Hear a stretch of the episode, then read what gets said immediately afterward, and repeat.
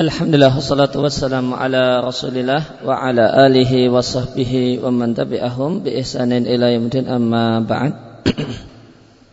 Kaum muslimin rahimani wa rahimakumullah kembali kita lanjutkan mengkaji hadis-hadis Nabi sallallahu alaihi wasallam yang tertera di Riyadhus Shalihin min kalam Sayyidul Mursalin. Wa karya Al-Hafidh Abu Zakaria Yahya ibn Syarab An-Nawawi Ad-Dimashqi Asy-Syafi'i rahimallahu taala. Kita masih uh, di hadis dari Abu Ibrahim Abdullah ibn Abi Aufa radhiyallahu anhuma. Sesungguhnya Rasulullah sallallahu alaihi wasallam uh, di sebagian peperangan beliau yang di peperangan tersebut beliau berjumpa dengan musuh beliau tunggu sampai matahari geser ke barat. Kemudian beliau berdiri di tengah-tengah para sahabat dan mengatakan Wahai sekalian manusia, janganlah kalian berangan-angan berharap untuk berjumpa dengan musuh. Namun yang lebih baik adalah mintalah kepada Allah al-afiyah, selamat dari masalah. Namun jika kalian berjumpa dengan musuh bersabarlah karena sesungguhnya surga itu di bawah kilatan pedang. Kemudian Nabi Shallallahu Alaihi Wasallam berdoa, Allahumma ya Allah wahidat yang menurunkan Al-Quran, menjalankan dan mengatur mendung dan awan dan menghancurkan pasukan Ahzab eh, kalahkanlah mereka dan tolonglah kami supaya bisa mengalahkan mereka diriatkan oleh Bukhari dan Muslim Kandungan yang ada yang bisa kita simpulkan dari hadis ini, di hadis ini terdapat sejumlah pelajaran. Eh, yang pertama adalah seorang itu dilarang untuk berharap untuk bertemu musuh. Dan ini berbeda dengan bercita-cita untuk mati syahid. Karena bercita-cita untuk syahadah mati syahid satu hal yang diperbolehkan dan tidak terlarang. Bahkan boleh jadi diperintahkan. Adapun bercita-cita dan berharap untuk bertemu dengan musuh maka itu tidak diperkenankan. Karena Rasul sallallahu alaihi wasallam bersabda, "La tatamannau liqa'al aduwi." Janganlah kalian berharap untuk berjumpa musuh. Kemudian yang kedua, seorang itu setiap kita dituntunkan untuk meminta kepada Allah al-afiyah. Afiyah artinya selamat dari masalah. Karena afiyah dan keselamatan dari berbagai macam gangguan la ya'diluha syai'un. Tidaklah bisa dibandingkan dengan apa pun. Maka afiyah boleh jadi selamatnya badan dari gangguan penyakit selamatnya iman dari gangguan berbagai hal yang mengurangi iman atau bahkan menghapus iman Demikian juga selamatnya jiwa dari hal-hal yang mengancam jiwa. Oleh karena itu maka janganlah berharap untuk terjadinya peperangan dan terjadinya peperangan. Ya. Maka mohonlah kepada Allah agar Allah memberikan afiat, memberikan keselamatan dan pertolongan untuk agamanya. Dan jika berjumpa dengan musuh, maka hendaknya bersabar. Ya, maka sikap yang tepat adalah tidak berharap-harap dan melakukan memohon pada Allah untuk tidak terjadinya peperangan, baik perang dengan orang kafir ataupun perang dengan ya, orang-orang ya, yang menyimpang, orang-orang yang sesat, syiah atau lainnya. Ya, karena kita tidak mengetahui apakah kita akan bisa jadi orang yang bersabar ketika peperangan tersebut terjadi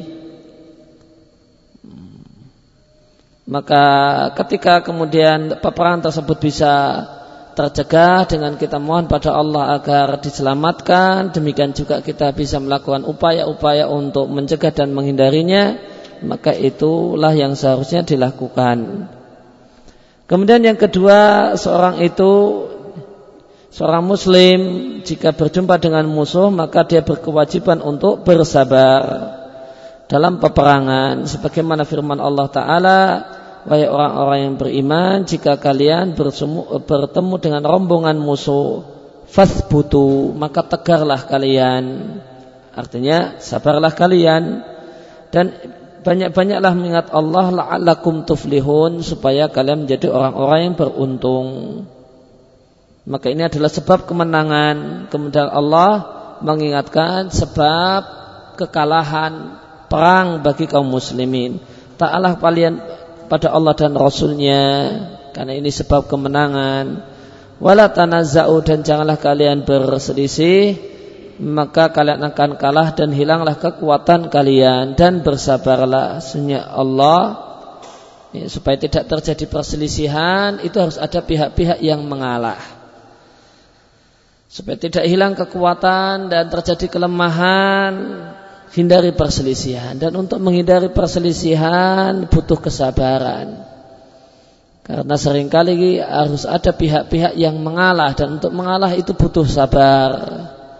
Kalau orang tidak mau bersabar untuk mengalah maka yang terjadi adalah ribut dan cekcok. Dan jika ini dalam peperangan terjadi percekcokan di antara di tubuh pasukan kaum muslimin maka ini alamat bahaya. Maka setelah dilarang untuk berselisih Allah katakan bersabarlah. Karena untuk tidak bisa untuk, supaya menghindari perselisihan kita butuh bersabar untuk mengalah. Innallaha ma'as sabirin. Si Allah bersama orang-orang yang bersabar. Kemudian adab dan etika untuk pemimpin pasukan maka sepatutnya bagi pemimpin pasukan perang baik dia adalah pasukan pokok yang disebut dengan jaish atau pimpinan pasukan e, pecahan dari pasukan kelompok yang dikirim untuk tujuan tertentu yang disebut dengan syariah maka masing-masing pimpinan pasukan demikian juga pimpinan dari satu kumpulan orang hendaknya menimbang keadaan anggotanya dan bersikap lemah lembut dengan mereka. Oleh karena itu maka janganlah memulai peperangan kecuali di waktu yang tepat baik tepat dari sisi hari ataupun tepat dari sisi musim. Maka misalnya di musim panas tidaklah sepatutnya memilih untuk mengadakan peperangan di musim ini karena terdapat masyakoh kesulitan. Demikian juga ketika hari-harinya adalah dingin yang sangat dingin, maka jangan memilih untuk melakukan penyerangan di hari semacam ini karena ini fidalika masakah ini menimbulkan kesulitan sehingga e, jika memungkinkan idealnya adalah baina-baina tidak terlalu panas dan tidak terlalu dingin artinya tidaklah dipilih untuk ketika mau e, melakukan penyerangan dan peperangan pilihlah di musim Rabi' musim semi atau musim gugur. Hada ahsanu mayakunu ini adalah waktu yang paling tepat untuk terjadinya peperangan. Kemudian adab yang lain dalam perang adalah berdoa dengan doa yang Nabi ajarkan. Allahumma munzilal kitab mujriyas sahab hazimal ahzab eh, ahzimhum bangsurna alaihim. Kemudian hadis ini dalil bolehnya mendoakan kejelekan kepada musuh yaitu orang kafir. Kita doakan dengan doa kejelekan yaitu hazimah kalah. Karena dia adalah musuh kita dan musuh Allah. Karena sebenarnya orang kafir bukanlah hanya musuh kita semata bahkan dia adalah musuh kita, musuh Allah, musuh para nabi, malaikat dan para rasul dan semua orang yang beriman. Maka orang kafir adalah musuh bagi setiap orang mukmin musuh bagi setiap rasul, musuh bagi setiap nabi, musuh bagi setiap malaikat, maka dia adalah musuh sesungguhnya. Maka sepatutnya kita meminta pada Allah daiman selalu agar Allah tidak memberikan kemenangan kepada para musuh yaitu orang-orang kafir, bahkan agar Allah mengalahkan mereka dan memberikan kemenangan kepada kita untuk bisa menaklukkan mereka. Wallahul muwafiq. Kemudian uh, Bapak dan Ibu kaum muslimin dan muslimah rahimani wa rahimakumullah kita kemudian berpindah kepada bab baru di Riyadhus Shalihin yaitu bab tentang masalah jujur. Allah Ta'ala berfirman Wahai orang-orang yang beriman Bertakwalah kalian Dan tidaklah kalian bersama orang-orang yang jujur Ini maksud dengan bersama orang-orang jujur adalah Menjadi orang yang jujur jujurlah kalian, hendaklah kalian jadi orang-orang yang jujur. Maka kalau kalian jadi orang-orang yang jujur, maka kalian akan masuk dalam kelompok orang-orang yang jujur. Sehingga kalian menjadi orang-orang yang bersama orang-orang yang jujur. Dan ayat ini mengisyaratkan bahasanya eh, orang itu akan bisa jadi jujur jika bergaul dengan orang-orang yang jujur. Dan orang itu akan jadi penipu jika runtang-runtungnya gaulnya dengan para penipu. Kemudian Allah dan juga berfirman wasadiqina wasadiqat dan lelaki yang jujur demikian juga perempuan-perempuan yang jujur maka di akhir ayat Allah katakan Allah siapkan untuk mereka pahala ampunan dan pahala yang besar. Demikian juga Allah berfirman ayat yang ketiga falau sadaqallaha lakana khairal seandainya mereka jujur dan tulus kepada Allah tentu itulah yang lebih baik untuk mereka. Yang disebut dengan asidak, yang disebut dengan jujur, artinya adalah adanya keselarasan antara berita dan realita. Inilah makna asal dari asidak yang sering kita terjemahkan dengan jujur. Maka uh, yang namanya jujur itu berkaitan dengan ikhbar, berkaitan dengan pemberitaan. Jika kita memberitakan sesuatu, lalu berita kita sesuai dengan realita, maka disebutlah ini, ini jujur, ini benar. Semisal uh, jika kita katakan tentang satu hari dan hari tersebut adalah hari Ahad, kita katakan hari ini hari Ahad, maka ini berita yang jujur karena memang harinya hari yang hari Ahad. Dan jika hari Ahad kemudian kita katakan ini hari Senin, maka ini dusta. Maka berita jika itu sesuai dengan realita itulah yang disebut dengan sidekun, itulah yang disebut dengan jujur dan benar. Jika menyelisih realita maka itulah yang disebut dengan dusta. Namun dalam bahasa Arab sidek itu ternyata tidak hanya berkaitan dengan ucapan, ada juga sidek berkaitan dengan perbuatan. Ya. Yang ini mungkin uh, jujur dalam berbuat, nah, ini mungkin tidak ada dalam e, bahasa kita. Ya, adanya jujur itu cuma jujur dan benar cuma berkaitan dengan e, perkataan. Nah, apa itu jujur dalam perbuatan? Jujur dalam perbuatan adalah manakala batin dan isi hati seseorang sesuai dengan tampilan lahiriahnya. Artinya jika dia melakukan satu perbuatan, maka itu sesuai dengan isi hatinya. Oleh karena itu orang yang riak itu bukanlah orang yang jujur karena dia nampakkan pada banyak orang kalau dia adalah orang-orang yang menyembah Allah dengan penuh ketulusan padahal tidak demikian. Sedangkan orang orang yang musyrik menyembah Allah dan menyembah selain Allah juga bukanlah orang yang jujur perbuatannya. Karena ketika dia menyembah Allah, dia menampakkan kalau dia adalah orang yang mengisahkan Allah padahal tidak. Orang munafik juga bukanlah orang yang jujur karena dia menampakkan iman padahal bukan beriman. Demikian juga orang yang gemar dengan ibadah-ibadah yang tidak ada tuntunannya bukanlah orang yang jujur dalam perbuatan. Karena dia kesankan dan dia nampakkan kalau dia bersemangat mengikuti tuntunan Nabi alaihi salatu wasalam padahal dia tidak mengikuti tuntunan Nabi. Maka al-muhim maka e, intinya yang namanya sidak ya kita terjemahkan dengan jujur adalah keselarasan berita dengan realita yang ini merupakan sifat orang yang beriman. Kebalikan dari sidak adalah al-kadzib yaitu dusta yang merupakan sifat khas orang-orang munafik naudzubillah. Nah, berkaitan dengan asidik atau jujur di samping ada dalam ucapan dan perbuatan juga ada dalam niat. Niat yang jujur adalah niat yang serius. Dia mengatakan saya ingin lulus dan memang ya, tugas akhir dikerjakan. Saya niat untuk lulus, tugas akhir dikerjakan. Ini niat yang jujur. Dan kalau dia mengatakan saya berniat untuk lulus namun tugas akhir ya, dibiarkan terbengkalai maka ini bukan niat yang jujur. Jika seorang itu berkata saya ingin nikah nah, dan dia memang menyiapkan untuk itu nah, ngelamar gadis orang anak orang nah itu maka dia jujur dalam keinginannya untuk menikah dan saya ingin nikah namun nggak mau ngelamar-ngelamar nah, ya, cuma sekedar ngomong pingan pingin nah, itu niat yang tidak tulus dan jujur maka niat yang serius, maka dalam bahasa Arab ada yang disebut dengan asidku fil qasdi wal iradah. Asidku fil qasdi wal iradah. Kejujuran dalam terjemah bebasnya atau terjemah talaknya, kejujuran dalam niat. Yaitu niat yang serius dan tidak main-main.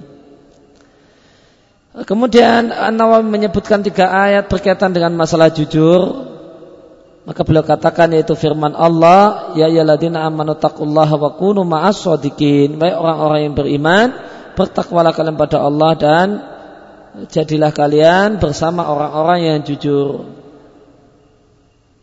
Ayat ini turun uh, setelah kisah setelah Allah menyebutkan kisah tiga orang yang ditunda pengumuman tobatnya. Yang mereka adalah orang-orang yang takhallafu tidak berangkat perang tabuk di antaranya adalah Ka'ab bin Malik dan hadis tentang kisah Ka'ab bin Malik secara panjang dan lebar telah kita baca dan telah kita bahas. Maka mereka bertiga ini ketika Nabi pulang dari perang tabuk dan mereka ini tidak berangkat alias takhallafu bila udhrin tanpa alasan yang dibenarkan maka mereka mengkabarkan kepada Nabi Shallallahu Alaihi Wasallam apa adanya bahasanya mereka tidak punya alasan maka fakhallafahum ay tarakahum maka Nabi pun membiarkan status mereka. Ya, maka makna dari firman Allah wa ala wa ala dan atas tiga orang yang khulifu khilufu artinya dibiarkan. Artinya falam yubatta fi sya'nihim tidak diberi putusan tegas tentang status mereka lain halnya dengan orang-orang munafik yang ketika Rasul alaihissalatu wassalam tiba di kota Madinah sepulang dari perang Tabuk, orang-orang munafik datang menemui Nabi sambil memberikan alasan ini dan itu, bahkan mereka berani bersumpah dengan nama Allah kalau mereka punya alasan. Dan tentang orang-orang munafik ini Allah telah Allah ceritakan Allah turunkan ayatnya Sayahlifuna lakum. Mereka akan bersumpah di hadapan kalian yaitu Muhammad sallallahu alaihi wasallam. Jika kalian kembali kepada mereka ridu anhum mereka bersumpah-sumpah supaya engkau berpaling dan tidak menghukum mereka. Fa'arid anhum fa'aridu anhum maka berpalinglah janganlah pedulikan dan jangan kubris mereka innahum rijsun sehingga mereka itu kotor akidahnya dan keyakinannya wa ma'wahum dan tempat kembali mereka adalah neraka jazaa'am bima kanu yaksibun sebagai balasan atas perbuatan mereka. Yahlifuna laku, lakum mereka orang-orang munafik akan sumpah-sumpah di hadapanmu supaya engkau senang dengan mereka. Maka jika engkau senang dengan orang munafik, sehingga Allah tidaklah ridha dengan orang-orang yang fasik. Ini perbuatan orang-orang munafik. Sedangkan tiga orang sahabat Nabi Ka'ab bin Malik dan dua kawannya mereka jujur apa adanya kepada Rasul alaihi salatu wasalam. Mereka memberitahu Nabi dengan penuh kejujuran yaitu mereka tidak berangkat tanpa alasan. Fa'arja'ahum maka Nabi pun tunda status mereka. Nabi tunda selama 50 malam. Hatta idza daqat alimul ardu sehingga terasa sempitlah bumi bagi mereka bima rohubat padahal bumi itu lapang wa daqat alim anfusuhum dan sempitlah terasa dada mereka dan mereka berpasangka yaitu mereka yakin tidak ada tempat berlindung dari murka Allah kecuali kembali dan bertobat kepada Allah. Kemudian Allah pun menurunkan ayat yang menjelaskan kalau Allah menerima tobat mereka. Kemudian setelah kisah itu ini ayat 118 maka di ayat yang ke-119 dari surat At-Taubah Allah katakan Wahai orang-orang yang beriman, bertakwalah kalian kepada Allah dan jadilah kalian bersama orang-orang yang jujur. Maka Allah perintahkan orang-orang yang beriman untuk bertakwa kepada Allah dan supaya bersama orang-orang yang jujur dan bukan bersama orang-orang yang berdusta. Kemudian ayat yang kedua Allah memuji orang-orang yang jujur baik laki-laki dan perempuan. Maka potongan ayat ini adalah bagian dari satu ayat yang panjang yang Allah sebutkan di surat Al-Ahzab. Allah sebutkan sifat-sifat terpuji dengan Allah katakan sehingga muslim laki-laki dan perempuan, mukmin laki-laki dan perempuan dan yang lain orang-orang yang jujur laki-laki dan perempuan ditutup di akhir ayat Allah siapkan untuk mereka ampunan dan pahala yang besar. Maka Allah sebut orang-orang yang jujur baik laki-laki dan perempuan dalam konteks sanjungan dan dalam uh, dalam uh, dan berisi penjelasan tentang pahala besar bagi mereka. Kemudian di ayat yang ketiga yang dibawakan oleh penulis Riyadhus Salihin adalah ayat seandainya mereka jujur pada Allah, nisa itulah yang lebih baik untuk mereka. Artinya seandainya mereka bersikap kepada Allah dengan sikap yang jujur itulah yang lebih baik bagi mereka. Artinya realitanya mereka memperlakukan Allah dengan dusta. Dengan mereka e, menjadi orang munafik, menampakkan berbeda dengan isi hati mereka. Mereka pun berbohong dengan Nabi. Mereka nampakkan kalau mereka mengikuti Nabi padahal mereka menyelisih Nabi. Maka seandainya mereka jujur kepada Allah dengan hati, perbuatan dan ucapan, mereka tentu itulah yang lebih baik. Jujur dalam ucapan tadi telah kita jelaskan. Jujur dalam perbuatan juga telah dijelaskan dan jujur dengan hati Allah Ta'ala alam itu yang tadi kita sampaikan jujurnya niat. Akan tapi mereka malah bohong kepada Allah maka itu satu bencana dan keburukan bagi mereka.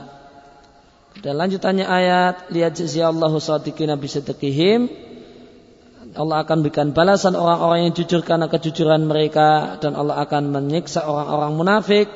Jika Allah berkehendak atau Allah memberikan taufik kepada mereka untuk bertobat. Maka ayat ini menunjukkan bahasanya jujur adalah satu hal yang sangat-sangat penting. Karena jujur itu adalah mahalulil jaza, adalah sasaran balasan dan ganjaran dari Allah Subhanahu wa taala. Maka jika demikian, maka kita punya kewajiban untuk jujur dan bersama orang alias bergaul atau menjadi kewajiban kita untuk menjadi orang-orang yang jujur wa alaina anakuna suroha maka adalah kita menjadi orang-orang yang suka berterus terang ya, dan tidak menyembunyikan uh, per, uh, ya, men, menyembunyikan kepada orang uh, orang lain mudahanatan karena cari muka atau karena ria atau alias pamer. Karena banyak dari orang jika hudisa an syai'in e, fa'alahu satu perbuatan yang dia lakukan itu jadikan bahan pembicaraan dan dia tidak senang dengannya maka dia bohong dengan mengatakan aku tidak melakukannya. Kenapa ada orang berbuat semacam ini? E, tentu karena orang tersebut malu kepada makhluk namun tidak malu kepada al-khaliq dan bahkan terang-terangan berdusta kepada sang pencipta. Maka hendaknya kita jujur dan janganlah kita pedulikan siapa pun. Dan jika kita membiasakan diri untuk jujur, maka di masa yang akan datang, eh, maka akan baiklah keadaan kita. Adapun jika kita menyampaikan kabar bohong, sehingga jadilah kita orang yang suka menyembunyikan dari orang lain dan berdusta pada orang lain. Maka uh, ya, esok, uh, maka di masa depan engkau akan terus menerus dalam ya, perbuatan yang salah semacam itu.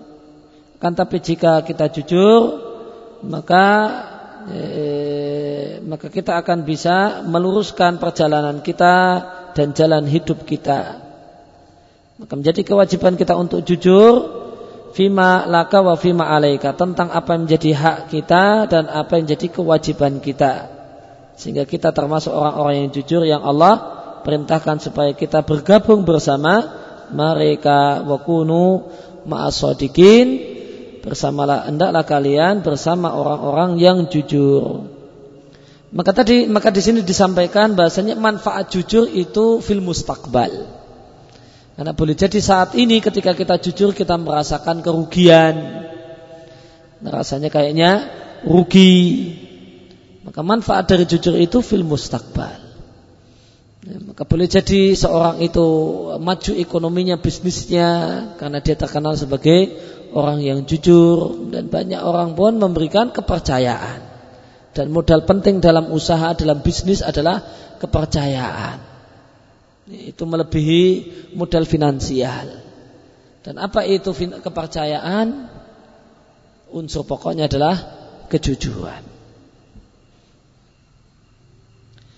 Kemudian hadis yang pertama di bab jujur ini adalah hadis dari sahabat Ibnu Mas'ud radhiallahu anhu dari Nabi Shallallahu alaihi wasallam. Nabi mengatakan sesungguhnya jujur itu mengantarkan kepada kebaikan yang besar dan kebaikan yang besar akan mengantarkan dan menunjukkan ke surga dan sungguh seorang yang jujur dan terus jujur sampai tercatat di sisi Allah sebagai orang yang sangat jujur. Sedangkan bohong itu mengantarkan kepada banyak dosa dan banyak dosa mengantarkan ke neraka. Dan seorang yang jujur, seorang yang berbohong dan rajin bohong sampai tercatat di sisi Allah sebagai tukang bohong.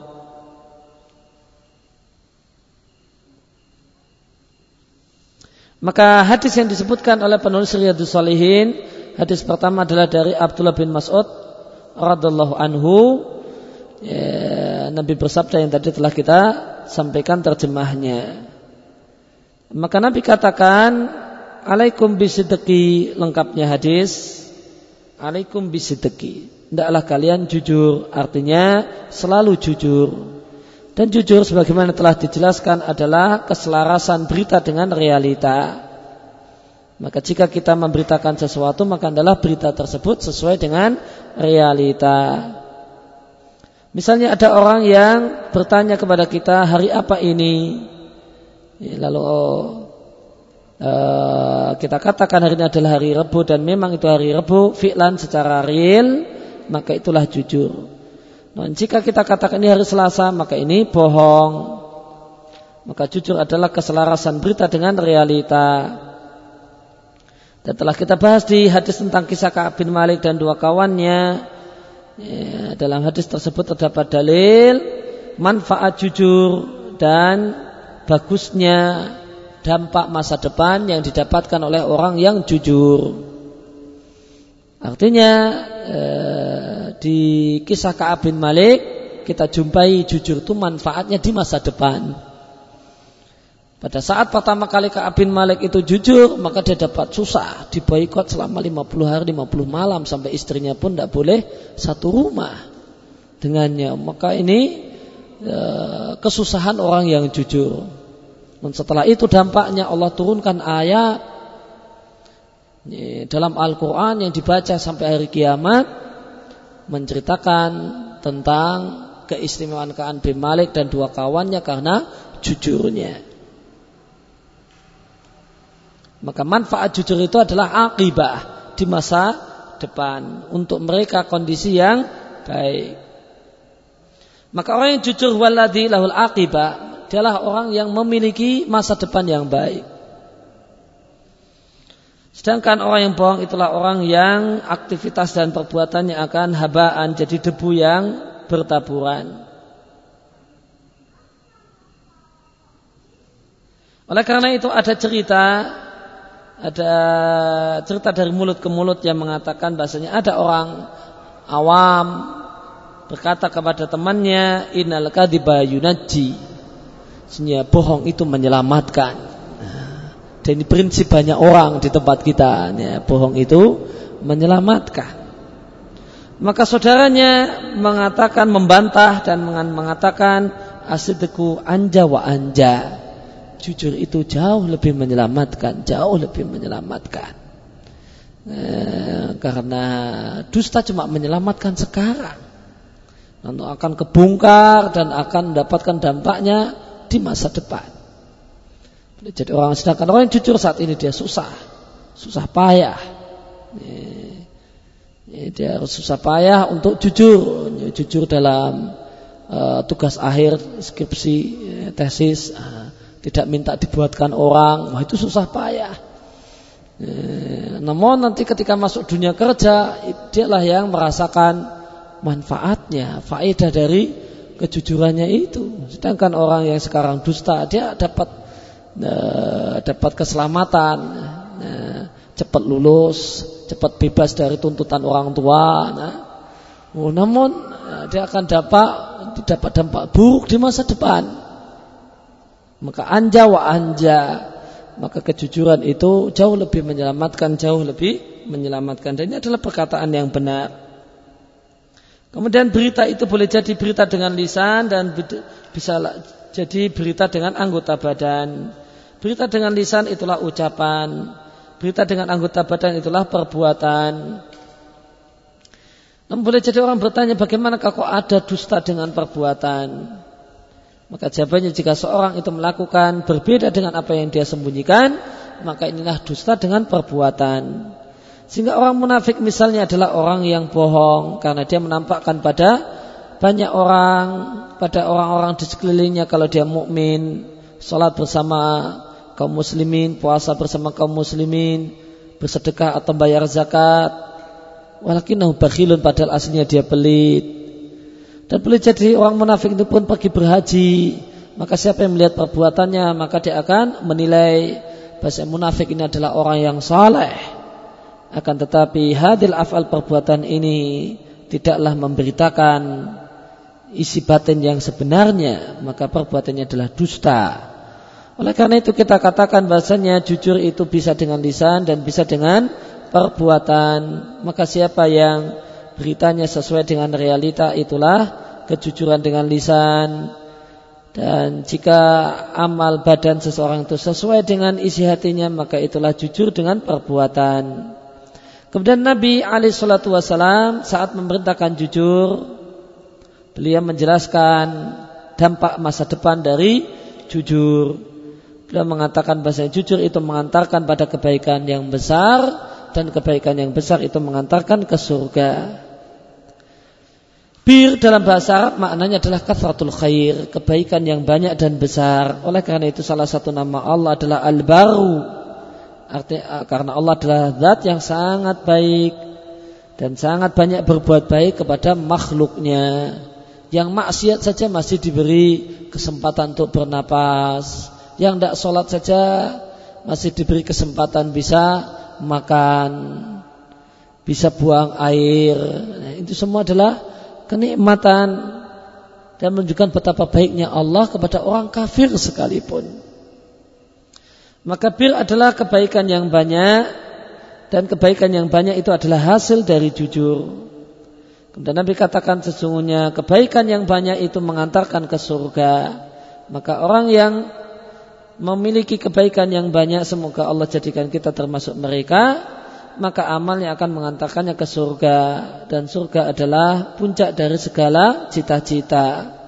Oleh karena itu seorang mukmin diperintahkan untuk meminta kepada Allah surga dan berlindung dari neraka. Siapa yang dijauhkan dari neraka dan dimasukkan ke dalam surga, sungguh dia adalah orang yang beruntung dan tidaklah kehidupan dunia kecuali kesenangan yang menipu. Yeah. Ya, di antara hal yang menarik di ayat ini, maka banyak orang untuk masuk surga itu harus dimasuk-masukkan. Ya, masuk sendiri itu tidak mau, karena berat kalau mau masuk sendiri. Ya, ya, masuk sendiri itu berat eh, dengan sukarela, rajin sholat, rajin ini berat. Perlu dipaksa, perlu diopiak-opiak, perlu digiring-giring, perlu di uh, macam-macam supaya ditarik-tarik ya, supaya masuk surga. Demikian juga untuk orang masuk neraka, maka orang yang masuk neraka itu faman zuziha siapa yang ya, dijauhkan dari neraka. Makna zuziha itu artinya menarik secara kuat. menarik dengan kuat itu zuhziha maka umumnya orang itu ingin ke neraka ingin ke neraka. Kalau tidak ditarik dengan tarik yang kuat itu tidak selamat dari neraka.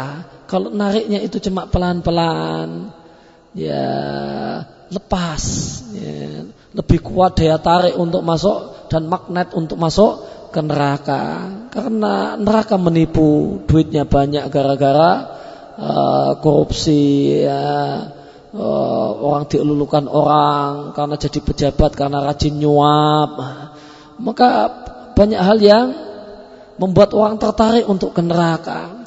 Sehingga jika orang itu selamat dari neraka harus ditarik dengan daya tarik yang lebih kuat daripada magnet menuju uh, neraka. Ya, maka bukan uh, maka Allah katakan siapa yang ditarik kuat sehingga selamat dari neraka dan dimasuk-masukkan ke surga akhirnya masuk surga itulah orang yang beruntung. Kemudian jika seorang itu uh, terus suka jujur maka akan tercatat di sisi Allah sebagai orang yang sangat jujur. Di riwayat yang lain jika seorang itu jujur dan selalu memilih kata-kata yang jujur, maka dia akan tercatat di sisi Allah sebagai orang yang jujur. Dan sidik orang yang sangat jujur adalah level kedua. Dari level manusia yang mendapatkan nikmat Allah subhanahu wa ta'ala. Satu level dan kedudukan di bawah para nabi. Sebagaimana Allah ceritakan di surat An-Nisa ayat yang ke-69. Siapa saja yang taat pada Allah dan Rasul maka dia bersama orang-orang yang Allah beri nikmat mereka adalah nabi, di bawahnya adalah sidik orang yang sangat jujur, di bawahnya adalah syahid, dan di bawahnya orang soleh biasa. Maka orang yang selalu memilih kata-kata yang jujur akan dicatat di sisi Allah sebagai sidik. Orang yang levelnya di level kedua di bawah para nabi. Dan satu hal yang diketahui bahasanya derajat sidik ada derajat yang agung dan tidak akan bisa didapatkan kecuali oleh beberapa gelintir manusia. Ya, dan derajat sidik ini bisa jadi didapatkan laki-laki dan bisa didapatkan oleh perempuan. Di antara perempuan yang mendapatkan derajat sidik adalah Maryam. Nah, tidaklah masih putra Maryam kecuali seorang rasul qad khalat min qablihi yang telah terdapat banyak rasul sebelumnya. Allah katakan wa ummuhu siddiqah dan ibunya adalah seorang yang sidik. Maka sidik yang paling mulia alat itlak secara secara mutlak itulah asdaquhum uh, orang yang paling jujur itulah Abu Bakar As-Siddiq radhiallahu anhu. Ya, banyak orang kenal Abu Bakar namun tidak kenal nama aslinya. Nama asli dari Abu Bakar adalah Abdullah bin Uthman. Namanya itu Abdullah, bapaknya Utsman ibn Abi Quhafa. Ya, dia seorang yang langsung merespon dakwah Nabi ketika Nabi mengajaknya eh, untuk masuk Islam. Tidaklah terjadi pada diri Abu Bakar kebimbangan sedikit pun atau tawakuf atau no comment dulu, abstain dulu. Maka semata-mata Nabi mengajaknya pada Islam, dia masuk Islam. Dan dia pun percaya dengan Nabi Shallallahu Alaihi Wasallam ketika banyak orang mendustakannya. Dan Abu Bakar ini percaya dengan cerita Nabi ketika beliau menceritakan kejadian Isra dan Mi'raj pada saat banyak orang mendustakannya. Banyak orang mengatakan bagaimanakah bisa-bisanya engkau wahai Muhammad pergi dari Mekah ke Baitul Maqdis kemudian engkau pulang dan itu cuma satu malam. Kemudian kau katakan lagi juga engkau naik ke langit. Ini satu yang tidak mungkin. Lalu banyak orang pergi ke tempatnya Abu Bakar dan mengatakan kepadanya, Tidakkah engkau mendengar apa yang dikatakan oleh kawanmu? Maka Abu Bakar bertanya, apa perkataan kawanku yaitu Muhammad? Orang-orang pun mengatakan dia ngomong gini gini gini. Maka jawaban Abu Bakar, ingkana qad qala dzalika faqad Jika memang benar dia ngomong demikian, dia benar. Maka sejak hari itu Abu Bakar diberi gelar As-Siddiq radallahu anhu. Ya, demikian yang kita baca berkaitan dengan masalah jujur. Wassallallahu ala nabiyina Muhammadin wa ala alihi wa wasallam. Wa da'wana alhamdulillahirabbil alamin. Subhanaka Allahumma wa bihamdika asyhadu an la ilaha illa anta astaghfiruka wa atubu ilaik.